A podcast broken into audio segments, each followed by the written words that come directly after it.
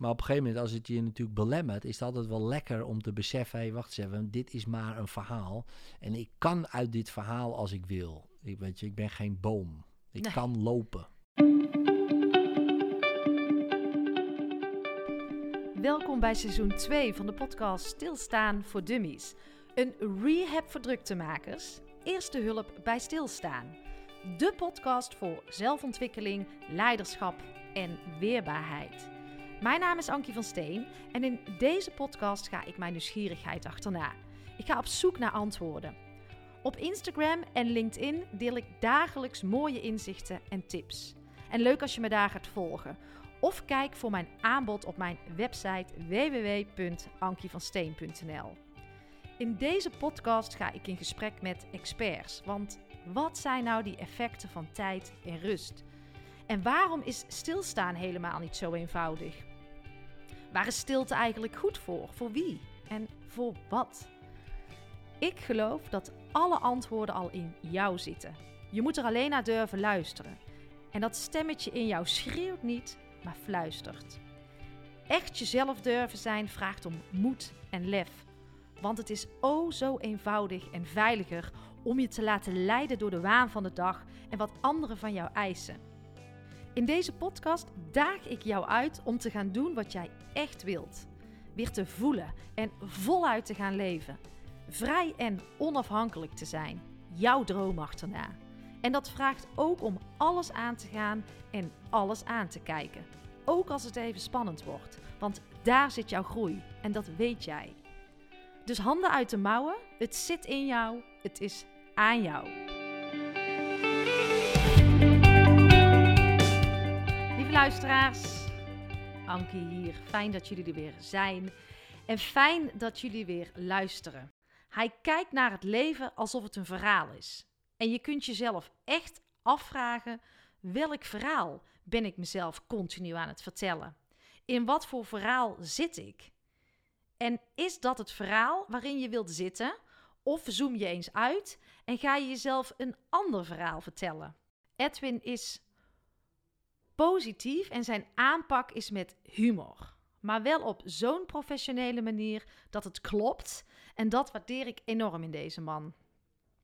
Want het is een kunst om het nuchter en eerlijk te bekijken met een dosis humor. En de nacht was in de middeleeuwen ook de beste raadgever. In de show notes van deze aflevering vind je alle informatie over zijn bedrijf Hypnose Instituut Nederland en zijn prachtige platform vraaggewoon.nl. En daar gaan we aan het einde van deze aflevering ook uitgebreid op in. Want 400 therapeuten helpen belangeloos jongeren die het keihard nodig hebben in deze tijd. En een must-read is zijn laatste boek. Je hebt het niet, je doet het. Kom allemaal uit hypnose. Ik ging in gesprek met Edwin Selei. Ladies and gentlemen. Van depressieve puber naar verslaafde bouwvakker en toen door naar succesvolle ondernemer. Schrijver van het mooie boek Je hebt het niet, maar je doet het. Je doet het. Dit boek gaat over eigenaarschap. Je hebt geen ziekte, je doet het. Je hebt geen angst, je doet je angst. Je hebt geen problemen, je doet je problemen. Weet je, Edwin, als ik jou zie en ik kijk naar jouw video's en jouw, eh, en jouw Insta-stories, dan betrap ik me, mezelf erop dat ik elke keer denk: wat is het, is het leven echt zo makkelijk? Krijg je dat vaker te horen? Ja, eigenlijk wel. Ja. Eh, de meeste mensen hebben na een gesprek met mij, als ik bijvoorbeeld een sessie met iemand doe, dan zeggen ze: Ja, hoe jij het zegt, is het altijd allemaal zo simpel. Ja, Ja. nou voel ik het ook zo. Nou zie ik het ook zo. Dus ik maak eh, de dingen simpel. Ik denk Ja. dat ik dat vroeger ook altijd deed. Ik moest altijd uitleggen, ik was altijd de bijlesleraar van wiskunde. Ja, Toen zat ik nog zelf gewoon in de klas ook, hè, maar dan moest ik eh, die andere bijles, zei de leraar, ga jij maar met hun op de gang zitten. Nou, dan was ik met ze aan het praten. Ja, zoals jij het uitlegt, snap ik het. En toen dacht ik, ik zeg precies hetzelfde als die leraar. En, en toen dacht ik van, nou, dat komt omdat ik gelijkgestemd als hun ben. ja, Maar nu achteraf denk ik, ja, blijkbaar zei ik iets wat, wat, wat het blijkbaar zo simpel maakt voor ze dat ze het wel begrijpen. Ja. En eh, ja, hoe ik dat precies doe, weet ik niet. Maar eh, Nee, dat is ook een kracht in het leven, toch? Je kan het of heel moeilijk maken of heel makkelijk. ja, vroeger maakte ik het heel moeilijk, ja. Ja? Voor mezelf dan. Ja, want dan vroeg ik Ja. me af, zijn er nu nog dingen die jij wel lastig vindt? Als je kijkt bijvoorbeeld met hoe je vroeger op dingen reageerde, zijn er dingen veranderd? Ja, er zijn zeker dingen veranderd. eh, hè, dus er zijn eigenlijk twee vragen. eh, dus vind je nu nog iets lastigs? Ja. Hè, bijvoorbeeld dingen delegeren. Of eh, te- vanochtend had ik nog gesprek met eh, een van mijn teamleden. Ja, maar waarom zeg je dat dan niet gewoon? Waarom delegeer je dat niet? Ja, ik zeg, dat vind ik gewoon moeilijk. Ja, Weet je wel, en dat vind ik nog steeds eh, lastig. Het gaat wel beter, maar dat vind ik bijvoorbeeld nog steeds lastig. Nou goed, maar ik zeg het wel. En dan weten zij, oh, dan moeten wij het gewoon meer vragen of meer Ja. overnemen. natuurlijk een wisselwerking. ook. Ja, precies. Hè? Ja. Dus ja, eh, maar, en dat is dus, hè, dat is de andere deel van je vraag. Ja, vroeger zou ik dat dus nooit zeggen. Nee. Dat ik iets moeilijk zou vinden. Want ja, dan ben je gewoon eh, zwak, Ja, bijvoorbeeld. Ja, Hè, oh, dus dat zeg je gewoon niet. nee. Dat idee, nou, dat, is, dat, dat heb ik niet meer. Maar dat had ik vroeger wel. Ja, dan probeer je, heb je een soort, soort toch een soort eh, persona of zo, wat je dan opzet. Ja, Ja, die herken ik. maar wij kennen jou natuurlijk als de, als de hypnosekoning. Tenminste, zo ben jij bij mij op mijn pad gekomen. En daar had ik al, allerlei beelden bij en toen las ik je boek. Maar breng jij nou mensen echt in hypnose? Of is de manier dat je zo, ja, hoe je naar dingen kijkt, is dat hetgene wat de hypnose is? Of kan je het allebei? Ja, ik kan heel goed mensen in hypnose brengen. Ehm, dat is eh, hoe ik. ehm, nou ja, ik begon met als, als coach NLP-coach. En toen ging ik mensen steeds wel meer ontspannen en zo. Dat leer je daar dan ook wel. Maar er zit ook een deel hypnose in. Dat vond ik interessant. Dus, eh, dus dat, gingen we, dat ging ik dat oefenen met Ja. vrienden. En ook hele snelle manieren. Nou, ik heb ook shows erin gegeven, showhypnose. Dus ja, ik kan heel goed mensen hypnotiseren. En wat is Eh, dat precies? Wat doe je dan? Ehm, ja, dat zijn een paar stappen die je dan doet. Maar waar het om gaat is, eh, hoe krijg je ze in zo'n staat waarin ze alles doen wat je zegt. Daar Ja. komt het een beetje op neer. En dat is natuurlijk een staat waarin je ja, heel veel kan doen. Hè? Dus als je op, kijkt op entertainmentgebied, ja, dan kan je ze allerlei gekke dingen laten doen. Hè? Laten dansen of eh, weet ik wel, gekke dingen doen. In therapiegebied is, dan kan je ze dus brengen naar wat ze vergeten zijn. Hè? Mm. Bijvoorbeeld, eh, ja, na drie jaar en eh, mijn ouders hebben ruzie en ik ben daar weer in dat moment. Hey, dat was ik helemaal vergeten, dus dat is ook een manier. En prestatie, ja, dat je er toch wat meer uit kan halen dan je zelf denkt. Ja, want je lichaam kan meestal drie tot vijf keer meer dan je denkt. Nou, dat geldt niet voor iedereen. Voor topsporters is dat wat anders. Maar voor de meeste mensen is dat zo. Ja, en dus daar kan je ook dat weer omzeilen. Dus ja, dat zijn. eh, daarom vind ik hypnose interessant. ja. Ja, want ik ben hem zelf een beetje bij de, natuurlijk de, de, de buigende lepels en de showbiz eh, gebleven. Maar je kan het dus ook echt wel toepassen om meer uit jezelf te halen, zeg jij. Absoluut, ja. Ja, kijk, de buigende lepels, eh, dat zijn natuurlijk allemaal trucs. Ja. Hè? Dus dat is gewoon een trucje. En een mentalisme, een beetje gedachten lezen, dat zijn ook allemaal trucs. Is super interessant trouwens, om Mhm. daar wat meer kennis van te hebben, dat wel. Maar hypnose eh, is een vaardigheid, dus dat is niet per se een truc. Dus het kan wel gecombineerd worden met trucs als entertainmentfactor. Maar hypnose zelf is gewoon een natuurlijke staat van zijn waar, waar iedereen wel in terechtkomt. Hè. Eh, eh, als je wat meer gefocust bent en je vergeet de wereld om je heen, ja, dan ben je in een staat van mono-ideaïsme, zoals ze dat dan zeggen. Moeilijk Focus op één idee en de rest valt weg. Mhm. En dat is, dat is die hypnotische staat. En Nou, kan daar- iedereen dat bereiken? eh, iedereen kan het bereiken, alleen de een wat makkelijker dan de ander. Dus eh, sommige mensen moeten daar echt wel een beetje in getraind worden. Mhm. En, en anderen gaan daar super makkelijk in. Ja, want ik heb een keer een E- EMDR-sessie gehad. En toen moest ik ook terug naar een bepaald moment om daarna Mhm. te kijken. Is dat dan het soort hetzelfde of is hypnose echt anders? Ja, hypnose is wel anders, omdat je... Hè, dus als ik tegen jou zeg, ga nu terug naar dat moment, weet je Mm. wel, dan eh, ga je dat nu bewust doen. En, en wie weet, weet je het gewoon.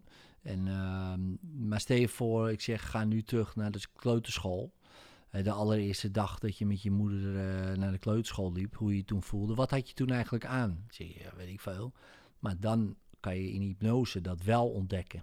Hè, Dus dan opeens krijg je een beeld. Shit, ja, dan had ik dit aan. Oh, ik zat naast die. En dan die. Oh ja, die zei dat. En opeens komen al die eh, momenten weer, eh, naar weer terug. Eh, meestal is dat ook niet per se een leuk moment. Hè? Dus eh, voor heel veel mensen. Eh, de eerste keer dag of kleuterschool. Maar de eerste stapjes dat je leerde lopen bijvoorbeeld. Nou, Mhm. dat weet bijna niemand bewust. Ik denk niemand. Maar onbewust zit het natuurlijk ergens. Dus daar kun je dat, altijd naar terug als je daar zou Daar kan je naar terug, ja. En als het je ook weer helpt om bepaalde dingen hier op te lossen nu. Zou, zou het dan goed zijn om af en toe terug te kijken naar die momenten? Ehm, als je er nu last van hebt, wel. Hm. Dus eh, stel je voor, eh, ik heb last van. ehm, dus eh, in mijn relatie loopt het niet lekker. Weet je, ik durf, me, ik durf mijn gevoelens niet te uiten. Of ik. ja, of, of, of wat dan ook. Nou, dan kunnen we kijken, oké, waar komt dat dan vandaan? Nou, dan kan je zeggen, ja, dat had ik vroeger al. Hè. Sommige mensen zeggen, ja, dat heb ik altijd al gehad, weet je wel. Ik was altijd al verlegen. Of, en denk, nou, dat zal wel niet. Mhm. Laten we eens kijken. En dan komen ze er meestal achter dat ze ergens op twee of drie jaar hebben besloten: van oké, nou, dit is niet gewenst hier in dit Mhm. gezin. Nou, en, en dat, kijk, en dat ben je vergeten, die beslissing. Dus blijf je het doen. En Ja. lijkt het alsof je dat altijd zo bent geweest. Maar dat is dus helemaal niet zo. Dan kom je erachter dat het dus niet zo was. hey, dat geeft al een mogelijkheid. Dan maak je die beslissing ongedaan. En da- daar hebben we allerlei technieken voor. Ja, En dan is dat meisje of dat jongetje van twee of drie is bevrijd. En het grappige is, als die bevrijd is, ja, dan ben jij dus bevrijd. En dan opeens, eh, ja, dan heb je daar geen last meer van. dus wij draaien echt wel op eh, programmeringen van vroeger. Ja, heel veel. De ja. meeste, toch? Ja, de Ik meeste, heb wel ja. eens gehoord dat we dat 95% daar van ons onderbewuste voor ons zevende leven, levensjaar is geprogrammeerd. Is, dat is ook echt dus zo. Nou ja, kijk, je hebt drie imprints, zeg maar. En de belangrijkste is van 0 tot 7. Hè, Aristoteles zei het al, laat mij een man zien, eh, laat mij het jongetje zien van 7 en ik zie de man die het wordt. Mhm. Nou, dat is 2500 jaar geleden. Dus, eh, dus dat, is de, dat is echt een hele belangrijke. Dan heb je er van 7 tot puberteit. De, je, je basisschool is ook een hele belangrijke. Je leraar of leraressen die zeggen, jij kan dit wel, jij kan dit niet. Oh, wat ben je goed hierin of helemaal niet. Ja, Die nemen ook heel veel mee. En dan de puberteit, de derde imprint, waarin je andere vrienden krijgt of vriendinnen. Ehm, nou, en daar word je ook weer ingeprint in een bepaald idee. En mijn imprint uit de puberteit was rebelleren bijvoorbeeld. Eh, nou, vanaf je achttiende, na je 18, 19, 20, ja, dan zit eigenlijk alles er wel in. En als je verder niks zou doen, mhm. dan draai je al die programma's af tot het einde van je leven. ja. zeg maar. en Daar als je daar dus bewuster van wordt, kun je daar ook dingen anders in gaan doen. Ja, en dus je voor, ik ben eh, eh, rebellerend geworden. Mhm. ehm, maar ik blijf dat nog steeds doen. Weet je wel, ben ik 45 nu en ik stel je voor, ik blijf dat nog steeds doen. Dan kan het, kan het opeens problemen gaan opleveren. Want Ja. op een gegeven moment, het brengt je tot een bepaalde hoogte. Hè, in mijn onderneming bijvoorbeeld, of leven, brengt het je tot een bepaald punt. Maar daarna gaat het alleen maar slechter als je die- dat gedrag blijft doen. Hè? Want je komt ergens, maar je komt niet naar het volgende niveau met hetzelfde gedrag. Dat is onmogelijk. Ja, Dus je moet dan iets veranderen. En vaak is dat ehm, natuurlijk iets in je mind of in je emoties of wat dan ook. Dus ja, dus als ik niet leer om te delegeren en het uit te spreken wat ik moeilijk vind, dan stokt het daar. Sterker nog, punt, dan gaat het naar beneden. ja, Weet Ja. je wel? En dan zeg ik, hoe kan dat nou? Ja, gast, je moet dat doen. Nou, daar kan je misschien bang voor wezen of wat dan ook, maar transformeren en door. mhm. Ja, en dan, als je dat kan, en je wordt, eh, als je merkt natuurlijk dat het je veel oplevert, ja, dan wordt het ook makkelijker om te doen. In het begin is dat best wel eng en moeilijk natuurlijk. ja, om dat aan te kijken. Zeker. En dan kan hypnose wel een makkelijke stap zijn. Ja, want dan kan je bijvoorbeeld in één of twee sessies dat transformeren. En denk je, oh, nou, dat was eigenlijk best wel easy eigenlijk om, eh, om te doen. In plaats van dat te gaan oefenen en te trainen. En, en Zijn er veel mensen die... Voor mij is hypnose nog een beetje iets wat... ehm nou, het longt. Maar het staat ook nog wel ergens ver van mijn bed. Maar het wordt dus wel steeds meer gebruikt om ook eh, in, in, in, in je eigen persoonlijke ontwikkeling iets ja, te transformeren. Dat mensen gewoon dan zeggen, nou, ik ga eens een hypnosesessie doen. ja, Dat zie je steeds meer. Of Ja. is dat al, of zie, heb ik dat nooit gezien? Dat kan ook natuurlijk, hè? Nou ja, kijk, ehm, Ja, je ziet, eh, je ziet het pas natuurlijk eh, als je ermee bezig bent. Ja. Dat is altijd zo. Mm. Hè, toen ik met NLP begon, dacht ik op een gegeven moment dat iedereen NLP kende. Eh, nou, dat is nog steeds niet zo. Dus, dus daar ben ik wel weer van teruggekomen. Ehm, maar hypnose kent wel iedereen, maar op een, bepaald, op een bepaalde manier. Ja. Dus het klokje en ik kijk hier in mijn ogen en oh Ja, jee, ga ik allemaal gekke dingen doen of wat dan ook. Ja, En dan weten ze niet van het idee van het wordt gebruikt in 70 ziekenhuizen in Nederland. Nou, dat weten heel veel mensen niet. 70 ziekenhuizen in Nederland, wat doen ze, wat doen ze daar dan dan? Zitten ze dan ook met een klokje? Nee, natuurlijk niet. De dokter gaat er niet dat doen. Nee, maar wat doen ze dan? Nou, dat is interessant. Bijvoorbeeld mensen helpen tijdens, het, tijdens een operatie om rustig te blijven, waardoor ze sneller herstellen. ja, Bij kinderen met chronische buik, buikklachten is het de nummer één methode om ze daarvan af te helpen, is hypnotherapie. In een ziekenhuis zeggen ze gewoon, nou ga maar naar een hypnotherapeut als we niks kunnen vinden. en dan zou ze bij jou terecht kunnen komen. Bijvoorbeeld, Ja. of bij iemand die daar eh, in het ziekenhuis werkt. hè. Want ik heb ook cursisten gehad, eh, bijvoorbeeld, eh, toevallig sprak ik nog laatst iemand die werkt in een ziekenhuis. en die doet het daar ook, weet je wel. Die is daar gewoon hypnotherapeut. Dus er zijn best wel veel, ook zorgverleners die het doen. Alleen ja, dat, dat, dat zie je niet op tv. Nee. Weet je wel, want ja, dat, zo, zo spannend is dat nou ook weer niet. Een kind die een sessietje krijgt en het gaat over een watervalletje. En die maakt van een kolkende waterval een rustige rivier. En denkt, nou, ik heb geen buikklachten meer. Nou, spannend, leuk. Wat een entertainment. Ja. Nee, dat is het dus niet. Maar wel natuurlijk fantastisch. En weet je van wel. wezenlijk belang dat het ook Ja. op zo'n manier opgelost kan Absoluut, worden, toch? absoluut. Ja, maar ja, goed, dat zie je dus dan niet op tv. Nee, Want je ziet alleen maar de pam, slaap, boom, Ja. oh, allemaal dingen. Want dat is natuurlijk wel het meest spectaculaire om, eh, om te zien. Ja. En, ehm, maar goed, ja, eh, ik vind het... Ik heb altijd toen gedacht, toen ik daarmee bezig ging... ik denk, ja, maar als, als die mensen dat kunnen... in plaats van als de hypnotiseur dat, hypnotiseur dat kon... want ik wist al heel snel... het gaat om die mensen die er staan, niet om die hypnotiseur.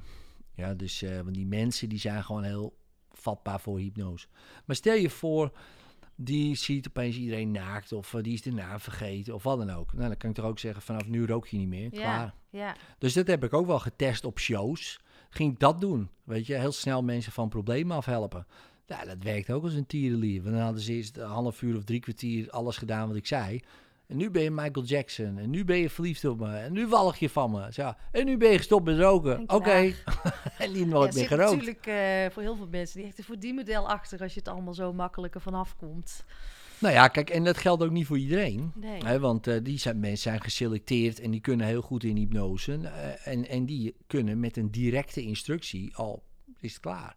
Weet je wel, oké, prima, ik doe wat je zegt. Ja, Nou, en dan een heel gros mensen duurt dat wat langer. Wat langer. En heb je daar bepaalde technieken voor die je dan doet.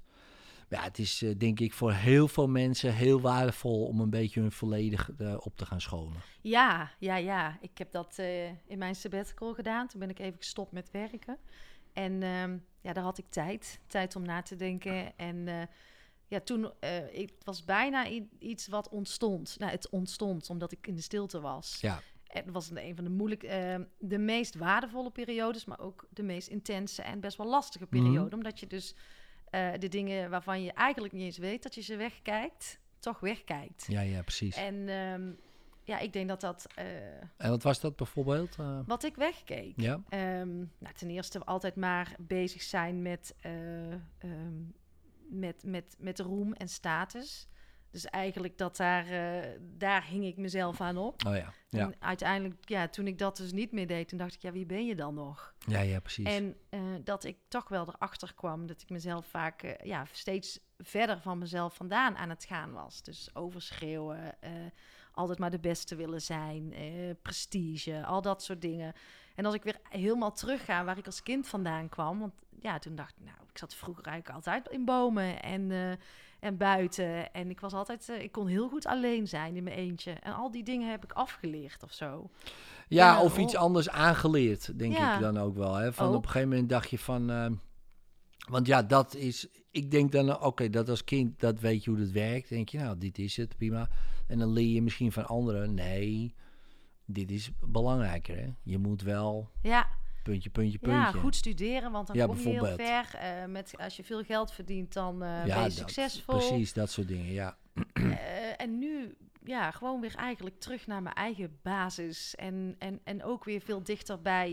ik denk dat ik ook heel mijn, mijn gevoel had uitgeschakeld.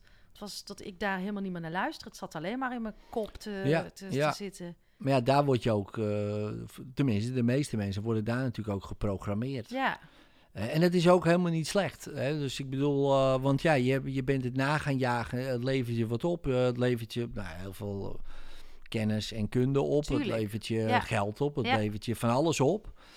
Alleen ja, als je dan bijvoorbeeld eh, weer verdenkt eh, hoe je op die tak zat in die boom. Ja, was dat totaal irrelevant in die boom. Ja, ja, ik zat daar, ja, ik wilde betekenisvoller zijn. Dat vond ik veel Ja. fijner. om. Ik wilde gewoon iets. En wat ik ook wel, ehm, dat ik gewoon ook in het niet wetende oké kan zijn. Ik, Oh ja. ik was heel erg gecontroleerd in alles. In Excel-sheets, in eh, kijken wat er binnenkwam. Er moest zoveel geld op mijn rekening staan, want dan voelde ik me oké. Oh ja, En nu is dat weg. Dat is zo raar. En dat ik altijd vertrouwen heb dat het goed komt. Nou, dat En, en dat heb je toen in dat jaar zeg maar voor jezelf getransformeerd? nou ja, ik ben een door- half jaar onderweg geweest, waarvan ik eh, de eerste twee weken, nou een maand of zeven denk ik. En toen kwam corona erachteraan, dus toen was het wat langer. Ja, ja.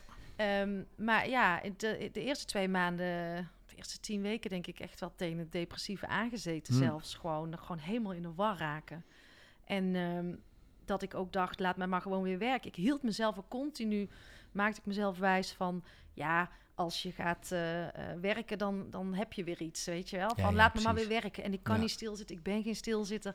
En nu is het bijna dat ik, dat ik wel heel erg geniet van rust. ja. En dat ik bijna, dat ik denk, ik heb helemaal geen zin meer om zo hard te werken. Als het gewoon goed is zo met wat ik fijn vind, dan vind ik het wel prima. Ik vind het wel knap. Nou, het is, eh, ja, het is veel gebeurd. Nee, maar het is knap dat je, hè, als je tien weken gewoon je zo voelt en dan toch... Ja. Want je had in die tien weken ook kunnen zeggen, oké, ja, fuck it na een week. Ik ga gewoon ergens werken. Het interesseert me gewoon niet. Elke ik ga gewoon weg. Elke dag. Ja, precies. Maar toch niet gedaan. Nou, dat Nee. is echt wel knap. Nou ja, het zal wel op een of andere manier zo hebben moeten zijn, denk ik dan. Ja. En, en nu kan ik daar wel heel veel mee, omdat je het zelf ook echt doorleefd hebt. Ja, ja, precies. en ook echt ja. voelt wat het is om in stilte te zijn en je daar compleet los te voelen. Ja. Dus eh ja, en daarom heet stilstaan voor Ja, ja, hè? precies. Ja, ja, mooi. Ja, ja echt te gek. Ja, maar ik, en ik moet dan denken, denk ik, ja, hoe zou die kleine Ankie in die boom, ja, die had dat helemaal niet gewoon, weet je wel. Die voelde zich volgens mij totaal niet los van de wereld. Of Nee, gewoon heerlijk, toch? toen voelde ja. ik me echt heerlijk, ja. Ja. En eh, wel altijd wel bezig met levensvragen. En ik denk altijd als kind al wel onderzoekend. Maar ehm, ja, ik ben wel weer eh, ouder, maar dichterbij. Dicht, ja, ja, precies. En nou ben je misschien ook weer daarmee bezig, een beetje levensvragen. En, Ja. eh, daarmee, Ja, en ook ja, gewoon ja. heel eh, gewoon wat je hebt doorgeven. En eh, Ja, cool. dat vind ik gewoon fijn. Daar word ik Ja. gelukkig van. Ja, tof, tof. Ja, knap. Ja, ik vind hem knap. Nou, eh, ik ga heel even terug naar jou. Want Ja. jij, ik stelde jou, we hadden net de intro en daar stond, stond ook in jouw mooie boek. Van depressieve puber naar verslaafde bouwvakker. Ja. En toen door naar succesvolle ondernemer. Dus eh, misschien ook een kleine trip down eh, memory lane. Je zegt ook, ik ben al 15 jaar bezig met de vraag waarom mensen doen wat ze doen. Ja. Was- En waar komt dat vandaan? Ik wil ook van jou weten hoe jij hier terecht bent gekomen en eh, hoe je in hypnose bent gekomen en al deze dingen op je pad zijn gekomen. Ja. Vertel. Vertel. Nou, het is. ehm, als ik heel, toen ik heel klein was, vond ik het altijd wel interessant. Ik, ik was ook daarmee mee bezig en met de levensvragen. Waarom dit, waarom dat, waarom zus. Toen je klein eh, was ook Toen ik klein was, ja. ja, ja. Eh, voornamelijk ook wat is er na de dood en, eh, en dat soort dingen. Daar was ik best wel eh, mee bezig. Mhm. Nou, op een gegeven moment eh, werd ik depressief. Of somber eigenlijk. Want ik dacht van ja, de wereld is echt niet, niet oké. En ik voelde me helemaal niet op mijn gemak. Was ik een jaar 14, 15, begon dat een beetje te beginnen. Dus een beetje die somberheid en, en ook angstig. Ik snapte het allemaal niet zo. Mensen, überhaupt niet. ja. En toen op mijn 16e, 17e eh, ja, kwam- ging ik aan de drugs en de, en de drank. Eerst een beetje recreatief. En eh, nou, dat was wel, eh, wel lekker eigenlijk. Maar goed, dat werd steeds meer. ja. En ehm, ja, en dat bleef ik doen tot mijn dertigste zo'n beetje. Dat is aanzienlijk lange tijd. Ja, ja met, eh, met ups en downs in de zin qua gebruik. Ja, Ja, dus echt wel heel extreem gebruiken en, en, en dan weer wat minder. Maar minder was op een gegeven moment gewoon iedere week. En dan, en dan extremer was iedere dag. Harddrugs dan en zo. Mhm. En nou ja, op een gegeven moment eh, eh, ontmoette ik mijn, eh, mijn vrouw. En, toen eh, gebruikte je nog in die periode. toen gebruikte ik nog, ja, Ja. toen was ik eh, 26. Ja, En ehm, we kregen al vrij snel onze eerste zoon. Anderhalf jaar later, nadat zijn geboorte, kregen we een tweeling. Dus hadden we drie kinderen onder de twee. Drie dus dat, zoons. drie zonen, ja. Dus dat was echt wel eh, heftig. Ja, toen begon het natuurlijk wel te wringen van ja. Ja. weet je, nu heb je twee keuzes eigenlijk. Hè. Of je gaat hiermee door, eh, of je moet toch ergens een keer stoppen. En eh, ik denk iedere verslaafde wil eigenlijk ook wel stoppen. Ja, want je wil, dat wil je helemaal niet. Maar ja, het is gewoon vaak sterker dan jij. En ja, wat maakt het ook allemaal uit en dat soort dingen. Maar goed, als het gaat om anderen, dan wordt het al, de druk wordt even groter. ja. meer Eh, verantwoordelijkheid komt erbij. Zeker, zeker. En, ehm, maar goed, dat wil dan nog niet de trigger zijn. Maar voor mij was dat op een gegeven moment de trigger eh 2 januari 2005. En ik heb dit verhaal wel meer verteld. Maar, eh, maar toen raakte een van mijn, eh, mijn zoontjes, die raakte in het ziekenhuis. En ehm, ja, toen kwam de dokter naar ons toe, die zegt ja... Er is een kans dat hij het gewoon niet haalt vannacht. Hij was Hmm. nog zes weken en eh, heel klein, had een infectie. Ja, Ja, en mijn strategie was vanaf mijn 16, als je pijn voelt, moet je het verdoven. Dus ik ging naar huis en ik probeerde het te verdoven, maar het lukte niet. Eh, de pijn was te heftig en ik zag allemaal beelden van zijn van begrafenis opeens. joh. En ik hoorde Heftig. een stem en die zei, als jij hiermee doorgaat, dan gaat hij dood en het is jouw schuld. En toen ben ik gestopt. Dat was... Dat Dat was eh, de genade, zeg maar, zo Ja. noem ik het maar even. Ja, En, eh, en toen was het, was het klaar. En ik had lang haar. dus dat, haar, dat ging eraf. Ehm, ik had ook wel eh, donkerblond haar. En dat, het werd allemaal zwart. En eh, ik keek in de spiegel en ik was gewoon iemand anders geworden. Letterlijk. Ook in, in mijn spiegelbeeld. alles was veranderd. Alles was veranderd in één keer. Mijn vrienden heb ik ook nog niet meer gezien daarna. Dus die gingen weg en die heb ik ook niet meer gezien. Nou, hij overleefde. hè, dus hij is nu 16. En ehm, gaat daar... Gezonde gaat- kerel. ja, gaat, gaat prima. Gaat Ja. helemaal prima. Ja. Dus ehm, ja, en toen kwam eigenlijk weer die vraag terug. Later pas hoor. In het begin eh, ben je nog een beetje in die vibe van... ehm, ja, wat gaan we verder doen of zo? Of eigenlijk niet. Ik was nog steeds werkte in de bouw. En na een jaar werd ik weer steeds helderder in mijn hoofd. Mhm. Toen dacht ik, ja, wat is er nou gebeurd eigenlijk, weet je wel? En eh, keek, begon ik een beetje om me heen te kijken. Ik denk, ja, ik ben nou... eh hoe oud was ik? 30. Ik denk, ja, wat ga ik doen met de rest van mijn leven? Ja. Ehm, en toen be- begon ik eerst als ZZP'er in de bouw. Nou, eh, van daaruit eh, kon ik wat geld verdienen, ging ik wat opleidingen volgen. eh, wat mij triggerde. Ik ging eerst de trainer- en teamcoachopleiding doen aan de Haagse Hogeschool. Mhm. Daar ontdekte ik NLP. Ja, dat, dat triggerde allerlei dingen. Boek van Tony Robbins. Dat was eigenlijk de finale trigger voor mij, omdat ik daar las over een techniek Ja. de compulsion blowout. En ja, dat had ik bij, die, die had ik bij mezelf gedaan, weet je, in de keuken. En toen dacht ik, hé, hey, wacht eens even, als die techniek al bestaat, waarom heeft niemand mij dat geleerd dan? Mhm. En toen dacht ik, ja, dan moet ik dat gewoon iedereen leren. Ja, omdat je hem zelf ook hebt doorleefd. Ja. Op jouw... Ja. en, Ja. en zo is het begonnen. En ben ik eerst mensen gaan helpen ermee.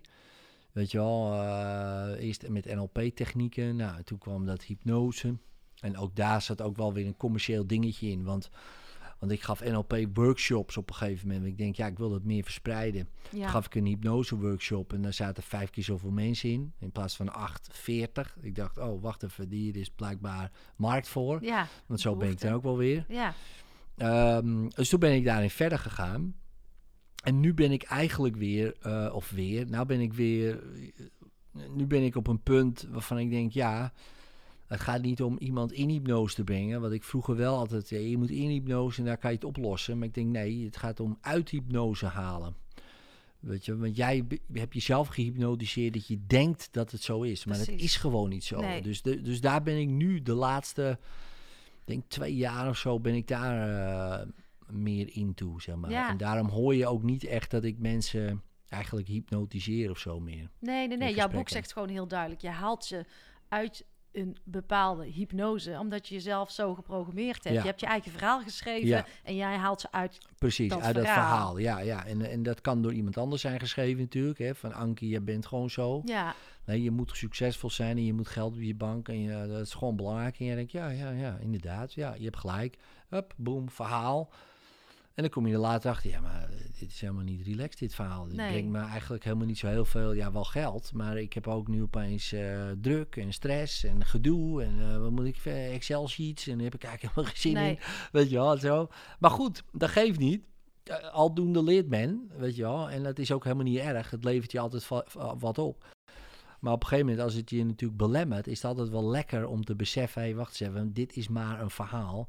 En ik kan uit dit verhaal als ik wil. Ik, weet je, ik ben geen boom. Ik Nee. kan lopen. ja, ja, ja. kan je kan er heel veel aan doen. Maar ik vraag me ook af van wanneer je dat. ehm, wanneer je dat wat moment komt dat je daar dus. Ik denk dat altijd een soort trigger moet zijn dat je dat ook in Ja. gaat zien of zo. Ja. Kijk, als ik die sabbatical niet had genomen, liep ik misschien nog steeds in hetzelfde verhaal. Mhm. En nu zweef ik erboven. Dan moet ik soms heel hard lachen om mezelf. Voor wat ik allemaal heb gedaan en gezegd. En het heeft me gebracht hoor, waar ik nu sta. Maar dan denk ik wel eens... Ja, en als je dan ook eenmaal uit dat verhaal bent... dan denk je, moet je, ja, dan geloof je dat verhaal ook niet meer. Nee, Toch? nee, klopt. Nee, ja, ik zeg altijd wel eens tegen mensen: het is net als Sinterklaas. Vroeger geloofde je in Sinterklaas. En nou weet je dat het een eh, verklede man is. Ja. Eh, of vrouw tegenwoordig, je kan, eh, of genderneutraal. Dus nee, je woorden, je hè? weet het allemaal niet meer. Hè? Nee, maar goed, hè, maar, maar in ieder geval, je kan er niet meer naar terug. Nee. Ja, dus eh, je kan je nog steeds verwonderd voelen. En als je kinderen bijvoorbeeld er wel in geloven, denk je, oh wat leuk. En je gaat er ook helemaal in mee en dit en dat. Maar je weet, dit is niet echt. Nou, en dat is vaak wat er dan gebeurt. Hè, dus ehm, Je, je, switch, je switcht naar een andere tijdlijn. ja, ja, ja. En je, je kijkt jezelf, je bekijkt jezelf en het verhaal dus anders. Ja. Maar in wezen is dat dus altijd zo. In wezen zit je nu dus ook in een verhaal wat je niet per se hoeft te geloven. Mag wel, maar het hoeft natuurlijk helemaal niet. Nou, dat is wel interessant. En je- Misschien voor de luisteraars eens even bij zichzelf ja, en, en je mag je afvragen of je, het, of je het überhaupt wel moet geloven. Alle verhalen, überhaupt. Gewoon, eh, maar goed, dat is dan weer te, misschien te filosofisch nou, dat voor denk sommigen. ik niet. Ik denk als je hem wat platter slaat, is dat je gewoon jezelf best, eh, jezelf best eens een keer de vraag mag stellen in deze tijd van eh, waarom geloof ik wat ik geloof? Waar komt dat vandaan? Ja. Gewoon alleen al die vraag, om daar eens over na te denken. ja, en het is heel grappig, vind ik, eh, om mensen te zien. Nee, nee, eh, wij geloven echt, dit is waar. En, en, en alles wat zij zeggen is niet Ja. waar. Ja, En dan denk ik, oké, dus alles wat zij zeggen is niet waar. Nou, oké, dat kan. Maar alles wat zij zeggen is wel waar. Dan denk ik, hoe dan? hoe dan? waarom is dat dan opeens wel waar? Ja. Waar baseer je dat dan weer op? Ja, Ja. maar zij zeggen de waarheid. Nou, ik zeg je één ding. Voor mij eh, is het allemaal niet waar. Nee. Ook niet wat ik zeg, ook niet wat ik zie. En je mag je afvragen wat je ziet, of dat überhaupt waar is. Dus, dus waarom zou ik... Oké, ik luister er wel naar. Ja, maar ook niet te eh, zwaar aan tillen dus. Nee, maar dat, eh, en als je het weer helemaal terugbrengt naar, naar wat, wat handig is om te luisteren. Nou, mensen met eh, echt wel veel kennis en kunde is handig om naar te luisteren. Mhm. Ik zal niet zeggen dat je alles moet aannemen van die mensen, maar het is wel handig. En Ja. ik bedoel bijvoorbeeld ook een dokter. Hè? Dus een dokter die zegt tegen mij: U heeft dit of dit of dit. En dit is een prognose wat er gaat gebeuren. Dan luister ik daarnaar. Ja. Want die man heeft kennis. Maar u heeft dit en dit. Denk ik, oké, dit is de prognose. Nou, dat geloof ik dan weer niet. Nee, precies. Omdat dat niet een feit is, want je weet niet wat mijn prognose is. Maar je kan wel meten en zien wat ik bijvoorbeeld heb. Bijvoorbeeld, Steven, ik heb ooit eens last gehad van een versnelde schildklier namelijk. Ja, En toen gaf hij me ook een bepaalde opties. Toen zei ik, nou, hè, dus één eh, zegt, ja, meneer Sluij heeft een versnelde schildklier. We hebben drie opties voor u. En eh, de eerste optie is niet voor u van toepassing, hoor, maar, want zo erg is het ook weer niet. Hm. Maar dan, dan halen we hem eruit. Ik zeg, oh, oh ik zeg, eh, is die dan niet nodig? Jawel, jawel, maar eh, ik zeg, en dan? Medicijnen. Oké, prima. En het tweede, ja, radioactief jodium is, is prima. Hè. De mhm. jodium gaat naar de schildklier en het radioactieve maakt die schildklier kapot. Plast u gewoon allemaal uit, niks aan de hand. Ik zeg, oh. En ik zeg, en dan medicijnen. Ik zeg, en de derde optie, nou, dat is voor u eh, meer van toepassing, medicijnen. Oh, ik zeg, dus eh 1, 2, 3. Ik zeg, nou, ik heb de opties gehoord, dokter. Ik zeg, ik ga even verder kijken. ja, ja. En maar hij zegt, dat kan niet. Ik zie je wel. Ik zeg, eh, ik kan gewoon lopen. En hij lachen. Ik zeg, nou, ik zeg, ja, maar over drie maanden wil ik u wel weer zien, eh, want we moeten het in de gaten houden. Ik zeg, prima. Drie maanden later mijn bloed eh, weer gecheckt. Mhm. Niks aan de hand. En wat is er dan gebeurd in die drie maanden? Ja, dus ik zeg tegen, tegen die dokter, hè, want ik zeg, wilt u weten wat ik gedaan heb? Hij zegt, ik weet precies wat u gedaan hebt. Zeg, oh. Zeg, eh, wat dan? Ja, hij zegt, u bent een eh, laboratoriumafwijking. Oh ja, Want u hoort bij de 2% laboratoriumafwijking. mooi. Dus ik zo, te gek. Afwijken. Dus ik ben en een afwijking en ik moest lachen om die man. Ja. En hij moest ook lachen. Nee, nou, dus als u nog een keer... En toen kwam er nog een keer een hele interessante suggestie. Als u nou nog een keer zoiets heeft, hoeft u hier niet te komen hoor. Want u bent toch een afwijking dan. Ik denk, en lachen, hè, die man en ik ook. En ik moest ook lachen. Ik denk, oké, ja, zo kan je het ook bekijken. En ik ging weg en ik voelde me ook helemaal niet gefrustreerd of wat dan ook. Ik denk, ja, die man, Weet het maakt ook niet uit wat ik zeg. Nee, Weet je wel, en het was een hele aardige man ook. Dus, dus ook helemaal niks mis met die man of wat dan ook. Maar gewoon die tunnel ja, waar we dan in zitten. Is super interessant om naar te luisteren. Want het is hele goede kennis en kunde. Ja, dus daar vind ik ook, eh, daar moet ik voor mezelf echt wel naar luisteren. Want ik denk, ja, die man heeft echt wel die, daar verstand van. Ja. Maar hij weet niet alles. En dat is dan wel weer eh, een tweede. Nou, wat ik heb gedaan, zijn een paar dingen. Ik heb frequentietherapie gedaan. Bleek eh, schimmels te zitten bij mijn schildklier. Ik Mhm. heb hypnotherapie gedaan. En ik heb gedacht van, nou, wat betekent de schildklier? Nou ja, emoties uiten. eh, Mhm. Dingen uiten die je moeilijk vindt. En daar ben ik toen gaan trainen. Nou, en dat heeft effect gehad. Die combinatie. Eh, Blijkbaar. Ja. Nou ja, en... ehm, en dat is wel interessant. En ja, bij een dokter, ja, die, ik had het hem kunnen vertellen, maar die had gedacht, nou, tof, goed, tof, goed. Ja, Ja. ja, nou, gewoon lekker mee door blijven gaan. Die denkt, ja, ik geloof er geen zak van, maar prima, ga lekker doen. Dus het had toch weinig zin om het uit te leggen. Dus ik deed ook niet. Wilt u het niet weten? En, ik was ook niet, nee, jij moet dit weten of wat dan ook. Ik denk, ja, dat heeft allemaal geen zin Nee, voor die man. nee. En dat, dat hoeft ook niet, want de volgende patiënt staat er alweer. En En die heeft daar misschien wel vertrouwen en baat bij. En eh, is daar minder mee. Maar jij bent dus veel meer met jouw lichaam zelf be- bezig, toch? ja, en, ik had ook zeker die medicijnen als optie, Ja, hè, maar als laatste optie. ja, En dat is het verschil. Hè. Als laatste, ik had een hele lijstje er nog boven. Met allerlei alternatieve manieren. Nou ja, Ja. wat is alternatief? Gewoon maar iets anders. Hè. Ja. Alternatief is iets anders dan medicijnen. dat is ook weer zo'n framing, hè? Als je voor iets anders kiest, ben je meteen alternatief. Ja, maar een alternatief is ook een ander dieet. Ja, eh, meer sporten. mhm. Dat is ook een alternatieve manier om eh, iets te verbeteren. Dus ik had eerst gedacht, nou, fysiek eten, dit. Eh, nou, eh, emotioneel, zijn er nog emoties? Mentaal, wat geloof ik? Nou, dan ga ik allemaal dingen doen. Dus Ja. ik had een heel lijstje.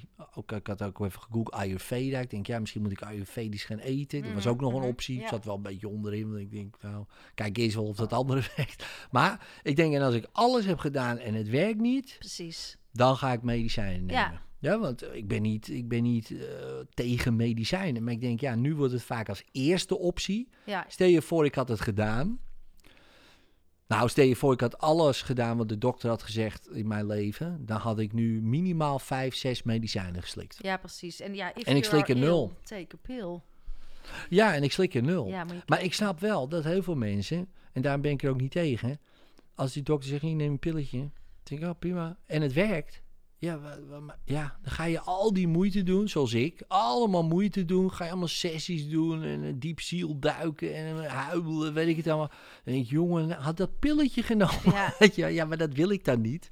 Want dan denk ik, ja, dat, dat hoeft dus niet. Nee, maar dat is denk ik ook wel mooi. En wat ik ook zo in jouw boek eh, lees, is dat stukje eigenaarschap, hè? Waar jij zo op, op focust. Ja.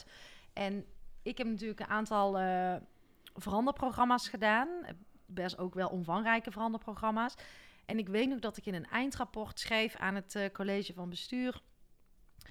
We willen allemaal wel veranderen, maar als het puntje bij paaltje komt, dan zeggen ze: Ja, ik heb een probleem, maar ja, ja, los het maar voor me op. Ja. Maar hoe komt dat? Dat we toch zo. Waarom hebben we niet geleerd om dat eigen, eigenaarschap te nemen? Waar, waar, wat zit daar in jouw ogen? Nou ja, kijk, als het, eh, als het allemaal door mij komt. Ik denk het grootste ding is schuld. Hè. Oh, dan is het mijn schuld. Hè. Dus, eh, en eh, ja, die schuld, ik weet niet wat het is. Daar, daar, daar worden we bij sommige geloven al mee geboren. Zo'n erfzonde. Hè? Dus je wordt al geboren met schuld. En dan moet je dan maar ergens gaan inlossen. Ja, En, en zo, we hebben allemaal een soort van basisschuldgevoel bijna. Van eh, ja, ben ik wel goed genoeg? Of eh, weet je, ja, ik voel me schuldig tegen dat bijvoorbeeld. Het is echt zo'n zo'n schuld. Ja, en, en van daaruit ja, durven we het dus niet blijkbaar meer... of heel, vinden we het heel moeilijk om te zeggen... nee, ja, ik ga het doen. En stel, wat stel je voor, ik doe het fout... dan heb ik het gedaan en is het mijn schuld. Nee, je hebt gewoon iets gedaan. Het heeft een resultaat opgeleverd. Nou ja, eh, en het resultaat, ja, dat wilden we eigenlijk niet. Maar ja, goed, dus prima, dan Mhm. gaan we nu iets anders doen. Maar daar Mhm. is geen ruimte bijna meer voor. Wel als je heel klein bent, dan vindt iedereen het prima. Oh, kijk, hij probeert te lopen en niemand la- lacht je uit. Ja. Of, eh, helemaal niet die schuldvraag van... oh ja, nou ben ik gevallen. Is het mijn schuld dat ik hier op mijn gezicht ligt als je één bent? Nee, dat denk je helemaal niet. Maar later of zo... Komt dat, komt dat erbij door nou ja, allerlei externe ja factoren ik denk dat het nu ook wel in deze tijd waarin we nu leven, vooral heel erg op schuld mensen juist zitten en daardoor ook niet in beweging komen. Hè? Je wil vooral de ander niet eh, iets aandoen. En eh, Ja, dat soort dingen. Dan Ja, krijgen we dat weer. Ja, ja. precies. Dus, dus, dus mijn schuld dat ik iets gezegd heb, weet je wel. Dus ik zeg iets. Jij wordt daardoor gekwetst. ook dat Dan is het weer. mijn schuld. Ja, Wat, eh, mijn schuld dat jij gekwetst wordt. Jij, kwet, jij laat je toch kwetsen. Ik bedoel, wat heeft dat met mij te maken? Ja, maar had jij niet moeten zeggen. Oké, dus ik moet mijn mond houden. ja, dus met andere woorden, we moeten eigenlijk 8 miljard mensen een memootje gaan sturen. Hoe om te gaan met jou. ja. Want dat zeg je eigenlijk. ja, Weet je, daar komt het op neer. ja. Nee, hoe egocentrisch is dat? Weet je wel? Oké, dus we leven in de grootste kudde op aarde. 8 miljard dieren. Nou, daar kunnen we wat van vinden. Ja, er zitten be- bepaalde kuddedieren bij. Ja, dat zijn aparte eh, mensen. Nee, dus dat is gewoon zo. Maar oké, prima. Eh, maar mogen die niet zeggen wat ze vinden of zo? Of Ja. mogen die niet ook doen wat ze vinden? Nou ja, je wordt, als je niet oppast, ben je ook nog eens egoïstisch. Krijg je dan ook nog wel eens terug als je je uitspreekt over dingen. Maar dat is eigenlijk wel... Maar het is je- precies andersom. Ja. Dus eh, kijk, dat is altijd leuk. Mensen die houden ervan om dingen om te draaien. Want ik zeg iets. Oh ja, daar kwets jij een hele bevolkingsgroep mee. Ja, Nou oké, laten we iedereen, al die, die hele bevolkingsgroep gaan interviewen. Dus ik zeg iets over donkere mensen. Nou, en, zo, ja, nou kwets je mij. Nou bekwets je die hele don, alle donkere mensen. Nou, laten we eens even alle donkere mensen gaan interviewen. Nou, je weet nou al dat 99% interesseert het helemaal niks van wat je gezegd hebt.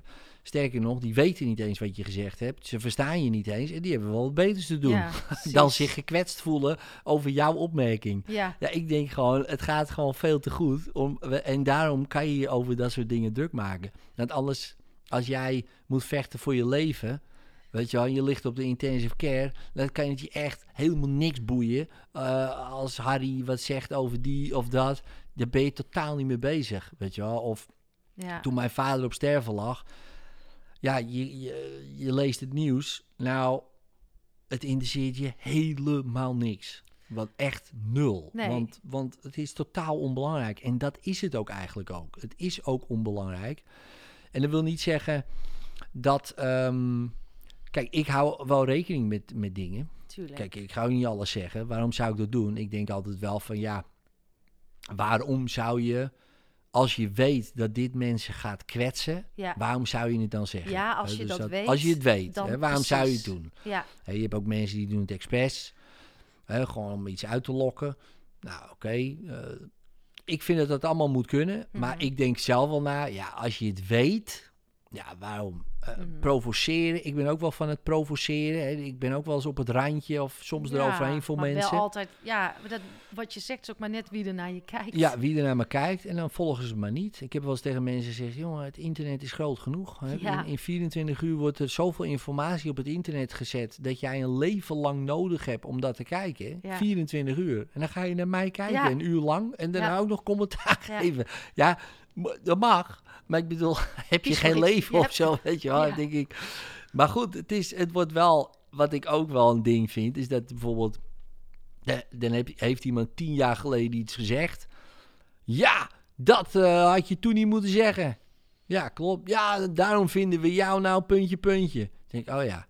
Ja. Je- ik, ja, maar ik denk dat niet meer. Ja, maar toen wel. Ja, toen wel, ja. Het is ongelooflijk. Mensen hoe- groeien op en mensen veranderen. Ja, het is... Het is, het is, het is Hoe kunnen we daarvan, hoe, wat zou een tip zijn voor luisteraars? Ik bedoel, ik zit daar ook nuchter in. Maar ik denk wel, als je het vergelijkt met een paar jaar geleden, dat ik daar misschien toch nog, dat ik eerder gekwetst was, dat ik eerder eh, last had van wat een ander zei.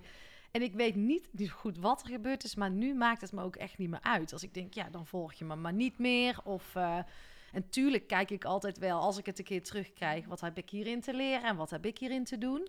Maar wat kunnen we de mensen meegeven dat ze wat minder ja, dat wat meer eigenaarschap over zichzelf kunnen gaan nemen. Hoe Ja. zou je- wat zou je zeggen? Nou ja, kijk, ehm, eh, eh, eh, kijk, een paar denkframes wat misschien handig is. Eén, eh, hè, voor jezelf natuurlijk nagaan. Oké, ik, ben, ik ben goed genoeg, hè, dus sowieso. Hè, ik ben gewoon goed genoeg, dat is één.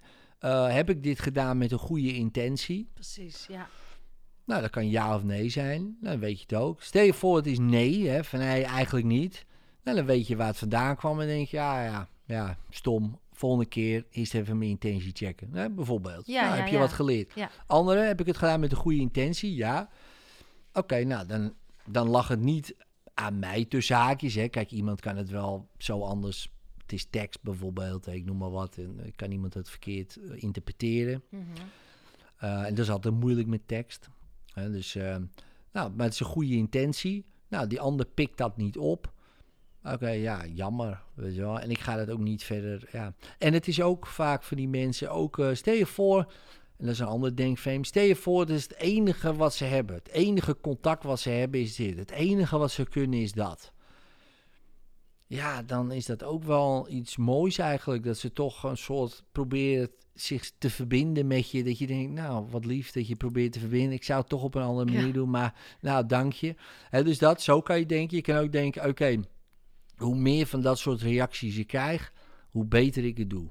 He, want als je, he, it's better to be loved and hated Ja. than to be tolerated. Ja, dus als je weet dat je haters hebt, he, mijn zoon noemde dat ha haters, um, en dan heb je ook fans.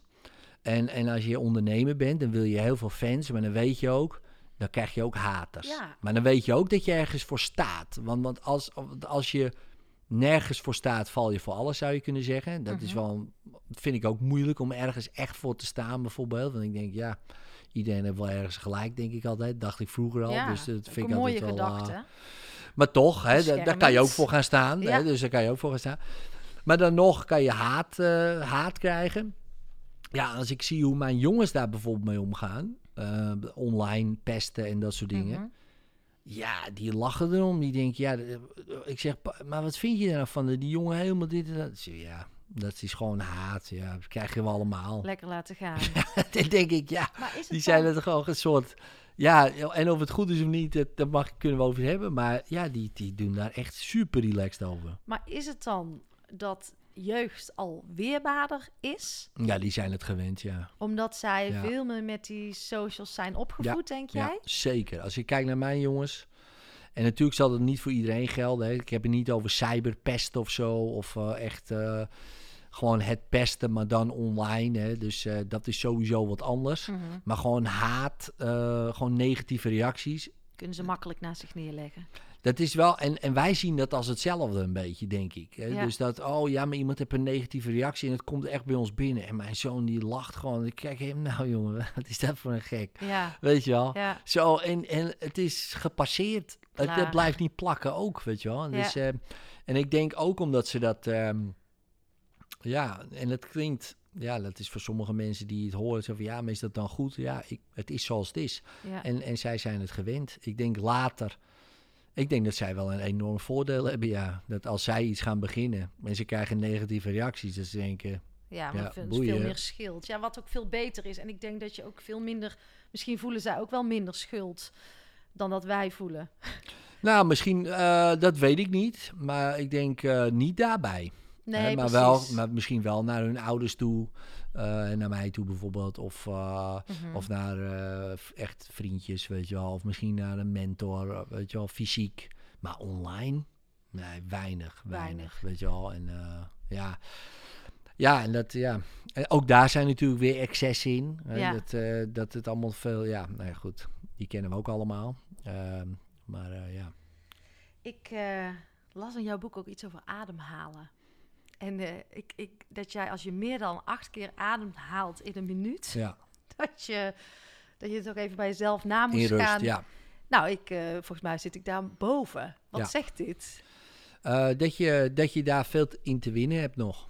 Ja, en waarom is dat, wat het, om, om, waarom is dat goed om naar beneden te krijgen? Nou ja, kijk, als je, als je hé, dus ik, het is niet helemaal waar, maar stel je voor je krijgt een bepaald aantal ademhalingen voor een heel leven, Ja, alleen dan is dat dus goed. oké. dus, eh, dus stel je voor, ik, eh, ik doe er acht per minuut en iemand anders twintig, Ja, ja, dan leeft hij waarschijnlijk vijf keer korter dan ik. Hè, een beetje, een beetje, en dat is natuurlijk niet helemaal waar, hè, die, dat, maar dat is wel iets eh, waar zo je kan bedenken. En een andere is, ja, als je dus te veel ademhaalt, dan zijn je stresslevels hoger, je cortisollevels zijn hoger. ja, Ja, en dat is schadelijk voor al je organen. Dus er zit wel een kern van waarheid in dat je dus korter leeft of sneller ongezonder wordt. Hè, want het is dus niet nodig. Maar met deze tijd, mhm. met al die prikkels, ja, je brein denkt de hele tijd van we worden achterna gezeten door een tijger bij spreken. En er gebeurt helemaal, Helemaal niks. niks, We leven in een van de meest veilige tijden die er zijn. ja. En we zijn er nooit zo opgefokt geweest. En, eh, Dus- maar hoe ziet jouw dag er dan? Want je zit natuurlijk wel in, de, in, de, in stilstaan voor dummies. Hoe ziet jouw stilstaan? Wat is voor jou dan stilstaan? Hoe ziet dat eruit? Eh iedereen geeft daar zijn eigen interpretatie aan, maar hoe, hoe, hoe pas jij het toe? Ehm, ja, mijn stilstaan staat vooral bij eh, de lessen uit de cursus in wonderen. Dus, dus iedere keer dat ik die podcast inspreek, doe ik iedere dag stil. S ochtends als ik wakker word, stilstaan. Ik ga, loop ik even een rondje buiten. Mhm. Ben ik helemaal in het nu. Hier in de buurt zit een specht. Daar ga ik altijd even heen. Want Een opeens... vogel, de specht. Een vogel, ja, Ja, een ja. specht.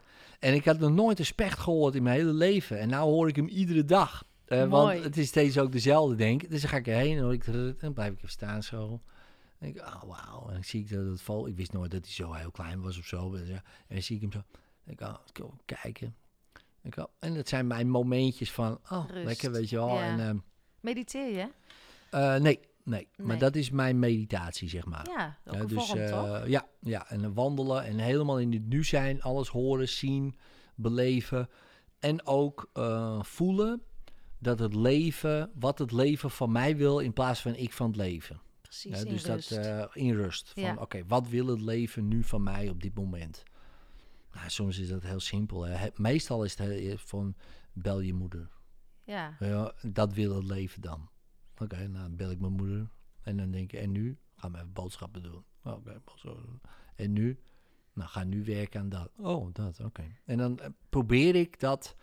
Nou, dat lukt me niet altijd over een hele dag. Want dan heb je ook wel dingen staan die hè, eh, moeten gebeuren bijvoorbeeld. Maar ja, dat probeer ik steeds meer. En dat geeft mij heel veel rust. Dus Ja. dan ben je eigenlijk best wel over de hele dag vaker aan het stilstaan van... Hé, wat wil het leven van mij? precies. En, maar eerst was ik altijd bezig met, nee, eh, ja, nee, maar ook, en nog steeds zit dat er wel in, weet je wel, doelen ook. stellen en, dit en bereiken en dat soort Ja. dingen.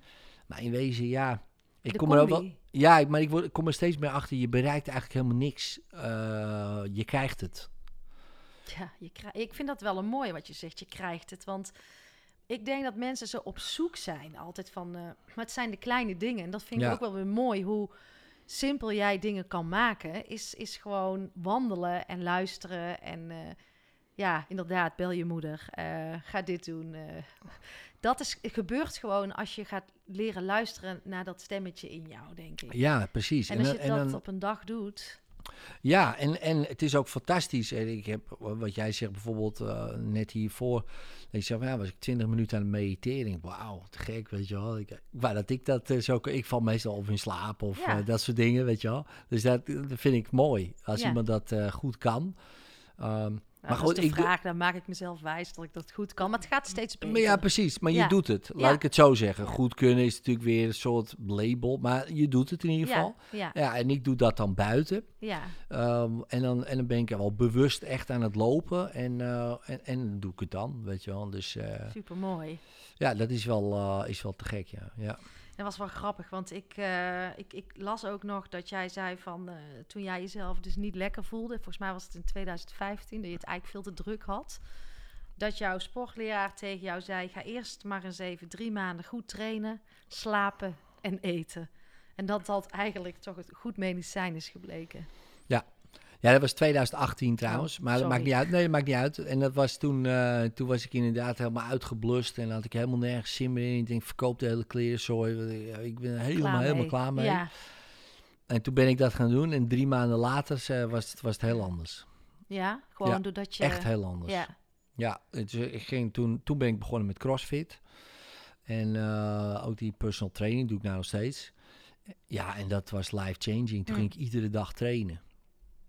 En eh kregen we de hele tijd opdracht om te doen, weet je wel, iedere dag. sterker worden ook. Ja, en, eh, en ook anders eten. En, eh, en na drie maanden was mijn hele leven was, was, was anders. Ja, mijn le- leven was eigenlijk nog steeds hetzelfde. Maar ik bekeek het anders. En Ja. toen dacht ik wel... Mijn trainer die zei dat wel mooi. Ja, en dan kijken we nog wat er van je problemen over is. Nou, niks meer. Niks nee. meer. Dus dat zie denk ik ook bij veel mensen nu. ook. ik heb daar wel echt veel van geleerd voor Ja. mezelf. Want ik was altijd bezig met het mentale en emotionele. En daar ben ik ook wel goed in. Maar ik denk, ja, dat andere stuk, hè, dat fysieke, goed eten, goed slapen, goed trainen. Onderschat daar valt niet. zoveel te Ja, halen. ja, ja. Echt enorm veel. En ik denk ook dat dat misschien voor de meeste mensen, eh, en dat schaar ik mezelf ook onder, misschien wel de, de beste eerste stap is om te doen. Ja, ik zou hem zeker adviseren. Ik, eh, ik had nou net een tijdje dan in die lockdown gezeten dat, dat ik wel thuis sportte. Maar ik ben nu twee of drie weken weer bezig met die, met die crossfit ook. En mijn man zei ook, na de eerste dag al, je bent een ander mens. Ja. Toen dacht ik... En toen dacht ik, oh ja, het klopt ook echt. Ik voel me weer gewoon, het, het, de, de wolken zijn weer weg. Juist, Alles dat is weer en Ja. ik voel weer dat ik iets kan doen. En Ja. dat ik gewoon weer de uitdaging heb. En dan, het, het maakt me zo sterk in mijn Ja. hoofd en in mijn lijf. Ja, ik, ik zou het ook iedereen gunnen. Dus eh, bij deze, probeer het eens drie maanden. Nou ja, zeker. En helemaal eh, eh, en wel iets zoeken waar je natuurlijk die wolkjes van wegkrijgt. Ja, Ja. Dus wat mij ook bijvoorbeeld heel erg helpt, maar ja, dat kan nou ook even niet, maar is Aikido bijvoorbeeld. Dat is weer heel wat anders. Maar dan moet je zo de hele tijd in het nu zijn. Is dat een vechtsport? Dat is een vechtsport, ja. En ehm, dan moet je ook zo in het nu zijn dat ik daar, als ik wegging, dat was gewoon een uur lang of twee uur lang meditatie. Maar dan wel natuurlijk de hele tijd bewegen, bewegen, Ja. bewegen. Maar als je niet in het nu bent, dan krijg je een klap. Daar kwam het eigenlijk op neer. Want dan ben je net, dan ben je of te laat of te vroeg. Ik, oh, oh, dan zit je zo. Ja, En dan moet je steeds weer jezelf centeren. Dat is eigenlijk een soort ja, vechtkunst meditatie.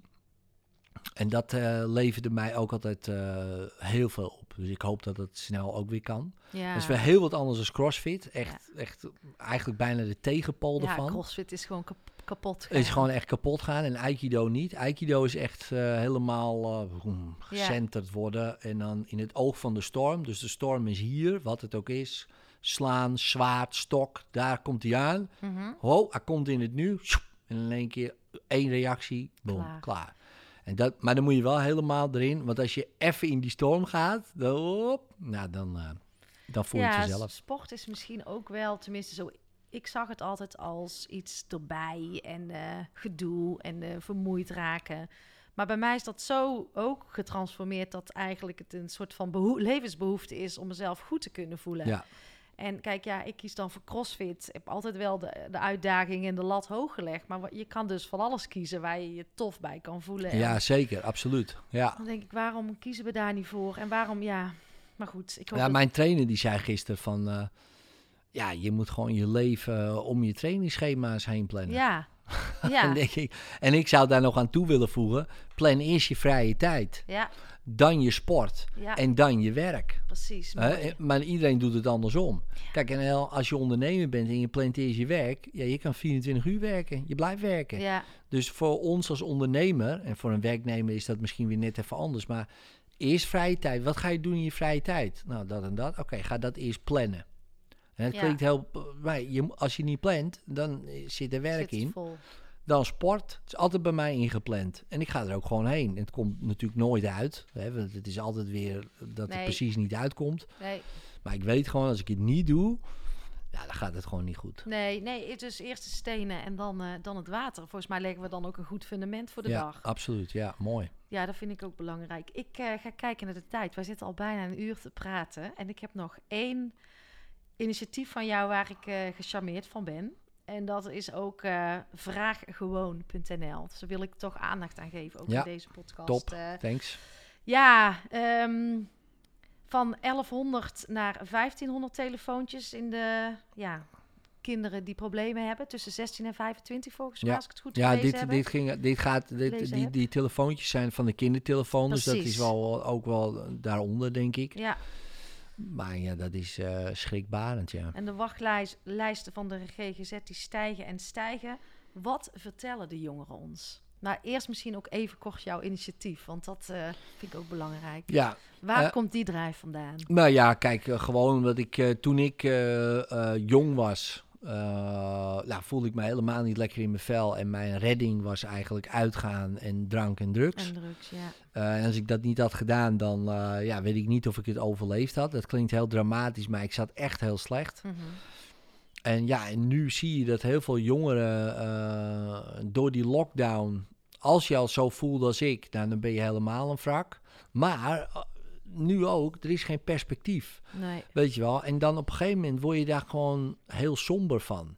Kijk, en als je 45 bent zoals ik en het wordt 46, 47, denk je, ach ja, weet je wel, als het een jaar nog is, hè, bijna prima. Mhm. Eh, maar voor iemand van 16 die 17 wordt en 18, ja, je hele jeugd is weg. kloten. Weet je wel, is gewoon, wa- wa- wat is het? En vooral voor die groep Mhm.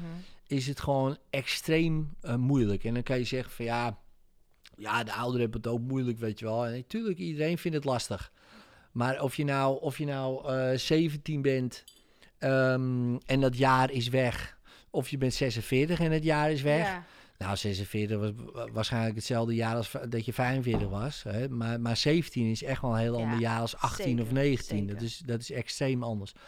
Nou, en dan zie je dus toch dat die eh, jongeren heel veel eh, ja, hulp vragen. Nou, niet kunnen krijgen omdat, ja, daar is enorm op bezuinigd natuurlijk op de zorg. Hè? Dus eh, dat, zijn heel veel... ja, want ja, daar moest op bezuinigd worden. Nou, dan zien we het terug. Ja. Hè? Dus daarom zitten we ook zo met z'n allen. Ja. Nou, oké. Dat is dan eenmaal zo. Maar goed, toen dacht ik wel op een gegeven moment, steeds weer zo'n bericht, weer een bericht op het nieuws, weer een bericht. Ik denk, ja, ik heb zoveel mensen opgeleid. Eh, laten we gewoon, eh laten eens kijken of ik die mensen kan mobiliseren om mee te doen. Mooi. Ja, nu zijn er gewoon al 400 eh, mensen die zich belangeloos die jongeren helpen. En iedere dag worden er gewoon, nou, een tiental jongeren sowieso geholpen. Weet je wel, nu. Ja, En, en goed. natuurlijk is dat een druppeltje. Eh, maar ja, weet je, die jongeren die op een wachtlijst staan, eh, die kunnen daar dus terecht. Ja. Weet je wel, en er is altijd wel iemand die ze kan helpen. En eh, al is het één of twee gesprekken, kijk, het zijn allemaal mensen die iemand heel snel weer even op de rit kunnen helpen. Want ik las laatst van iemand die, ja, die zag het hele leven niet meer zitten. Die had één gesprek met iemand van eh 35 minuten, 40 minuten en die ziet het weer Andere helemaal zitten. Weet je wel? Ja, maar die zit het gewoon weer helemaal zitten. Ja. Nou, en dan denk je, ja, stel je voor die had zes maanden op een wachtlijst Ja. moeten staan. Dan had ze ook wel de hulp gehad die ze had gekregen. Alleen was het te laat misschien wel geweest. Ja, en daarom denk ik dat we, ja, dat we met z'n allen... Kijk, en die mensen in die GGZ, die, die, die, die, die doen een stinkende best, weet je wel. Die zijn kaart aan het werk. En al, maar ja, als het vol is, is het vol. Ja, wat het moeten is die mensen? Het is dwijlen met de kraan eh, open. Ja, daarom joh. Ja, de- wat moeten ze? We hebben een psycholoog denkt, ja, ik kan maar gewoon één iemand per, per drie kwartier bijvoorbeeld helpen. Ja, maar ik heb er honderd nog op een wachtlijst. Ja, wat, wat, ik- meer Ja. tijd is er ook niet. Nee. Dus ja, ik denk dat het goed is om. eh, en, het, en het interessante is wel, dat is wel. ehm, en ik heb best wel wat veel GGZ-medewerkers gesproken, psychologen en ook. eh, die Mhm. vinden het een geweldig initiatief. Ja. En als, je, als ik dit en, en twee jaar geleden was gestart, of drie jaar geleden, dan waren het allemaal kwakzalvers geweest. En waar zit nu het verschil? nou ja, je? omdat het gewoon, de druk is zo hoog. Ja, ze zijn gewoon blij met alles. Ja. Ja. En, en ik denk ook dat er nu een bewustwording is gaande. Is, ja, maar wacht eens even. Ja, wat wij ook daarvan vinden. Ehm, er moet wat gebeuren. Weet Ja. je wel? Dus ik denk wel dat dit een, ook wel een hele mooie kans biedt tot, eh, tot een brug. Van, ja, dat denk ik wel. Ik denk dat heel veel systemen niet meer werken.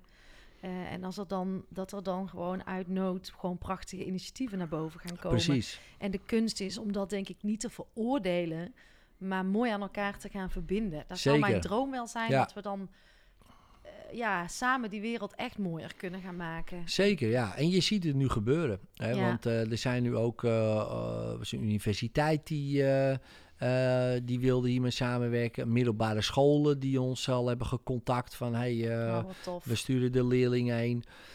Ja, dat hadden ze natuurlijk voor een paar jaar geleden natuurlijk nooit gedaan. Nee. Maar ja, nu is de nood zo hoog. Uh, alle hulp is welkom. En dan zien ze ook in, hé, maar wacht eens even, het werkt ook. Hè? Dus die, die, die, die jongeren die hebben één, twee gesprekken. En het gaat ook echt beter. En we zien die leerlingen veranderen. Dan denk ik, ja, top. Dus Ja. ik hoop, hè, dus als, als dit... Dus dat is dan misschien het positieve wat je er dan uit kan halen. En Dus ik hoop dat hierna, dat zeg je, ja, dat dit initiatief ja, misschien toch een kleine brug heeft gebouwd richting uh, uh, wat reguliere uh, zorg. Ja, nou, dat ben je volgens mij nu al aan het doen. Het is vraaggewoon.nl volgens ja, mij toch? vraaggewoon.nl. Ja. ja, nou hartstikke mooi. Ja, Edwin, volgens mij hebben wij een mooi gesprek gehad. Zeker. Ik vond het leuk om jou eens wat beter te leren kennen. En je bent mooie dingen aan het doen. En ik zou zeggen, ga vooral verder met die mooie bruggen bouwen. Dankjewel, Ankie. Jij ook, dankjewel. Dank je. Lieve luisteraars, dat was hem weer. Het zit erop. Dankjewel voor het luisteren. En een toffe aflevering weer geworden als je het mij vraagt. En ga voor jezelf eens na. Welk verhaal ben jij jezelf aan het vertellen? En klopt jouw verhaal? En wat zou er gebeuren als je jezelf een ander verhaal gaat vertellen? Een mooi iets uh, om over na te denken. En laten we elkaar en mooie nieuwe initiatieven niet veroordelen. Hoe mooi is het als we juist dat aan elkaar weten te verbinden, zodat we samen de wereld mooier kunnen maken? Op welk verhaal stem jij af? Tot de volgende podcast.